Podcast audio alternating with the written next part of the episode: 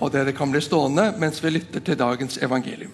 Fra Johannes 4, vers 4 til 26. Han måtte reise gjennom Samaria, og der kom han til en by som het Sykar, like ved det jordstykket Jakob ga sin sønn Josef. Det var Jakobskilden. Jesus var sliten etter vandringen, og han satte seg ned ved kilden. Det var omkring den sjette time. Da kom en samaritansk kvinne for å hente vann. Jesus sier til henne, 'La meg få drikke.' Disiplene hans var nå gått inn i byen for å kjøpe mat. Hun sier, 'Hvordan kan du som er jøde, be meg, en samaritansk kvinne, om å få drikke?' For jødene omgås ikke samaritanene. Jesus svarte, 'Om du hadde kjent Guds gave' og visste hvem det er som ber deg om drikke, da hadde du bedt ham, og han hadde gitt deg levende vann. Herre, sa kvinnen, du har ikke noe å dra opp vann med, og brønnen er dyp. Hvor får du da det levende vannet fra? Du er vel ikke større enn vår stamfar Jakob? Han ga oss brønnen, og både han selv og sønnene hans og buskapen drakk av den.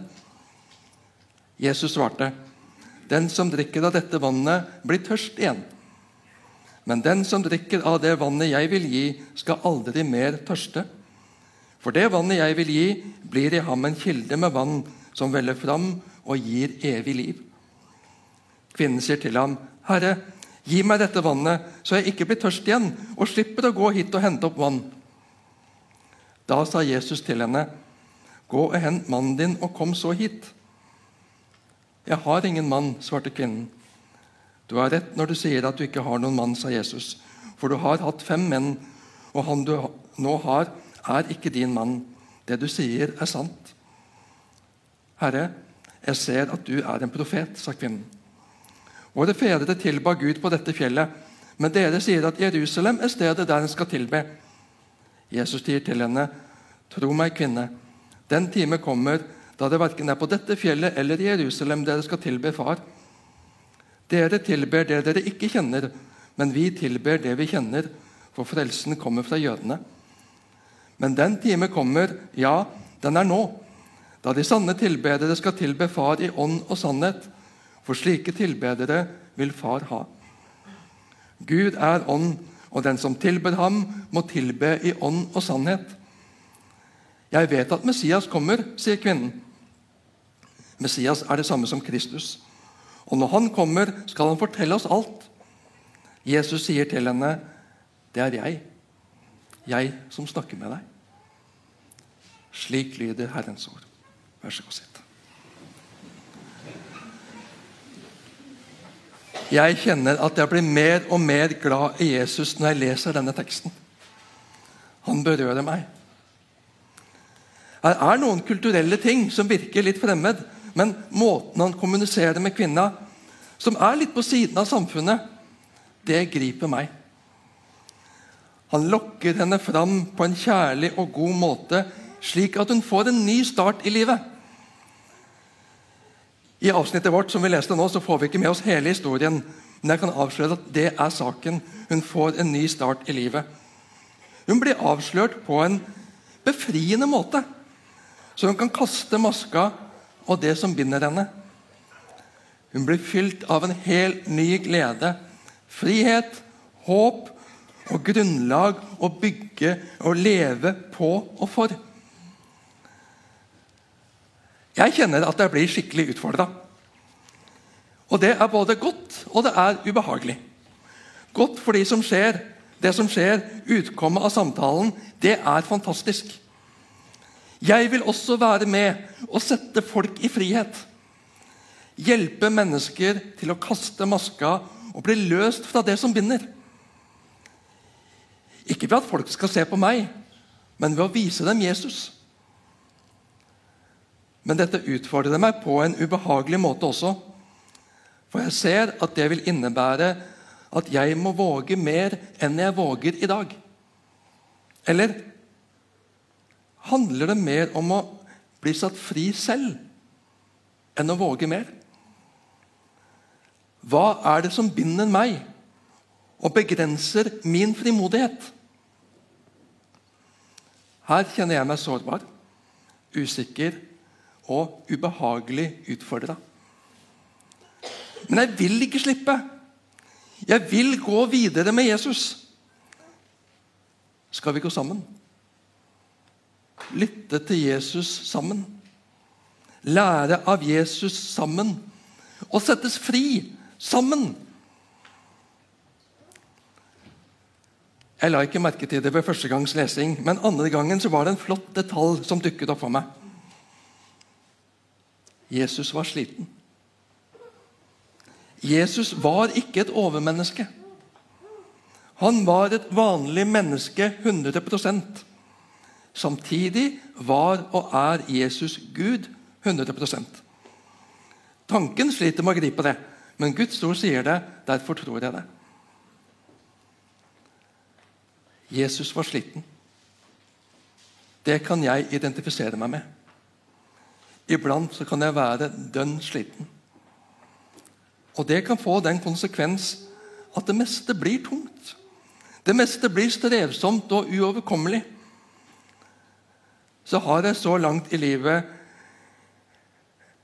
sluppet å bli det man med et dårlig uttrykk kaller utbrent. Men jeg kjenner flere som har opplevd det. Langtidssykmeldt fordi det ikke er krefter. Uføretrygdet fordi det over lang tid ikke var krefter til å jobbe. Det må være knalltøft. Jeg er opptatt av, av at vi, at Misjonshuset, ikke skal være en aktivitetsmenighet hvor en opplever at en må gjøre så masse, ha så mange tjenester og oppgaver at en blir utslitt av det. I alt det som vi ønsker å gjøre, som vi ønsker å få til som menighet, så må vi ikke miste at vi først og fremst skal være, ikke gjøre. Vi er en menighet, vi er kristne pga. det Jesus har gjort. Vi har alt i ham. Det må være på plass. Det må være fundamentet. Jeg er verdifull fordi Gud har skapt meg.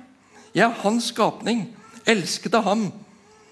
Du er frelst, ren og rettferdig for Gud, takket være det Jesus har gjort for deg.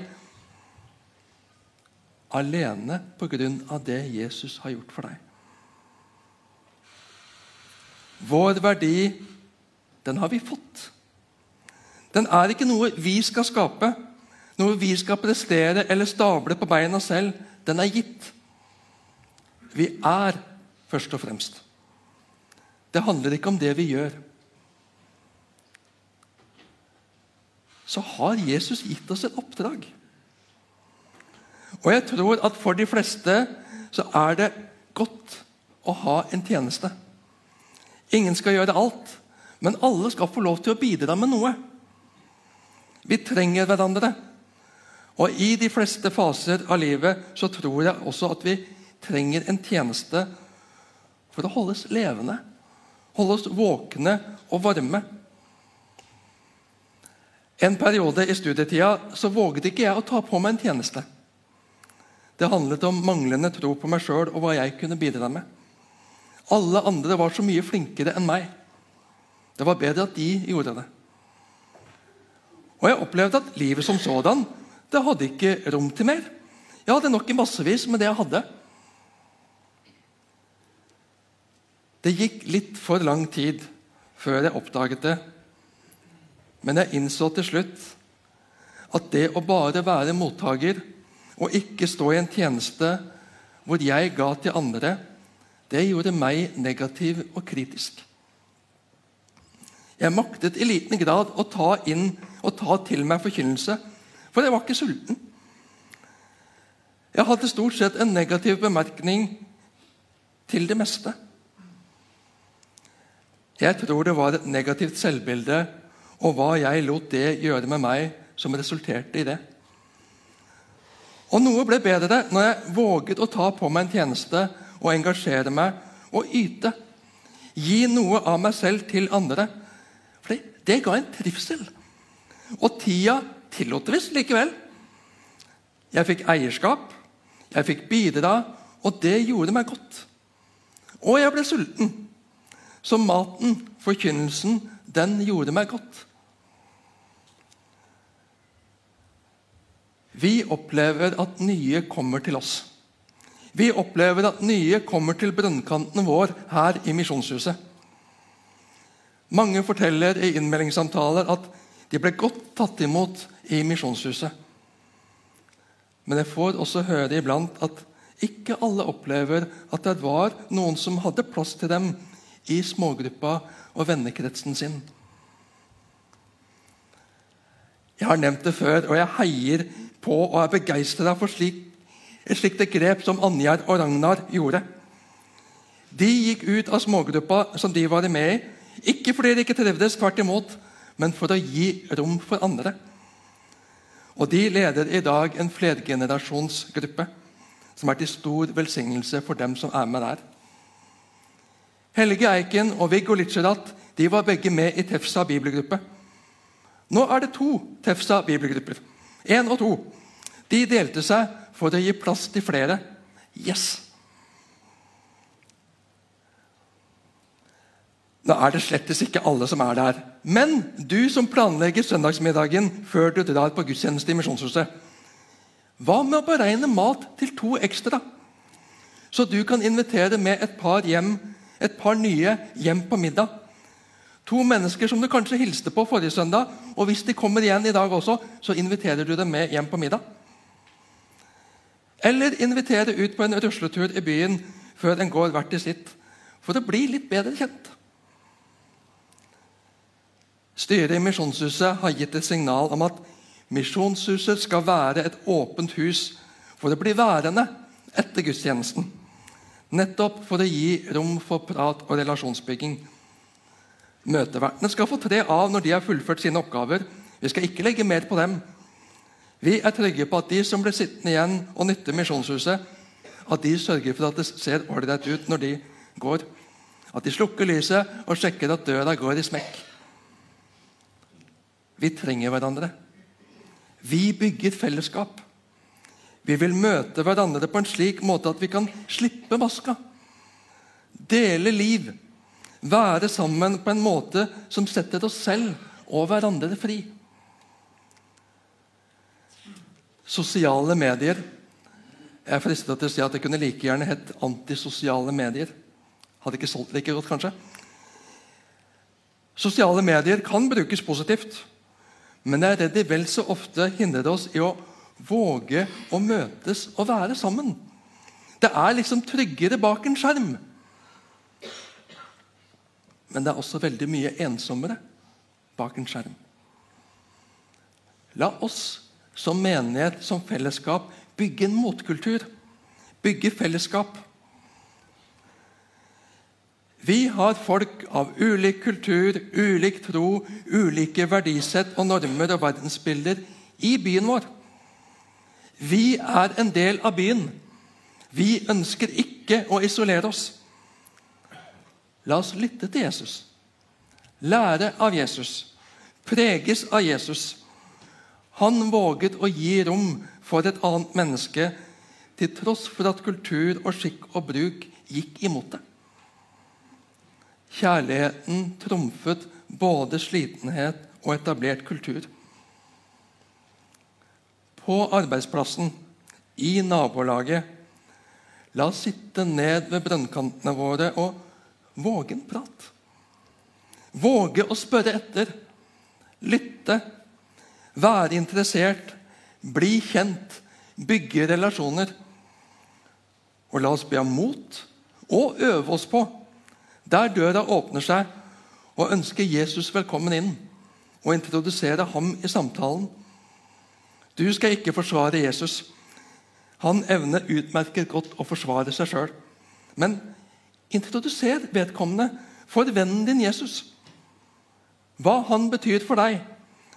Lytte til spørsmål, tanker og innvendinger. Våg å tenke høyt sammen. Du skal ikke ha alle svarene, men Gi Jesus rom i samtalen. Gi Jesus rom i relasjonen. Han vil vise seg. Han vil tale. Han vil berøre. Men tilbake til brønnkanten vår her i Misjonshuset. Hvem kjenner du deg mest lik? Jesus eller den samaritanske kvinna? For min egen del så vil jeg jo svært gjerne ligne Jesus. Og jeg ønsker å preges av ham. Jeg ønsker å lære av ham. Men jeg føler på mange måter at han har mer til felles med den samaritanske kvinna. Jeg har ting i livet som jeg ikke er stolt av. Jeg frister stadig til å ta på maska, og iblant til å unngå folk. Jesus avslører det vonde i livet, det som ikke er som det skal. Ikke for å henge ut, ikke for å gjøre forlegen, men for å sette fri. Jesus inviterer til tilgivelse og frelse, til nytt liv i ham. Takk, Jesus, for det nye livet jeg har i deg. Må det få smitte mine omgivelser på en god måte. Vi bygger fellesskap. Vi vil egentlig ha plass til alle, vil vi ikke? La oss hjelpe hverandre. La oss heie på hverandre. La oss være rause med hverandre. Vi er lærlinger. Jesu lærlinger som ønsker å lære og preges av ham. Amen.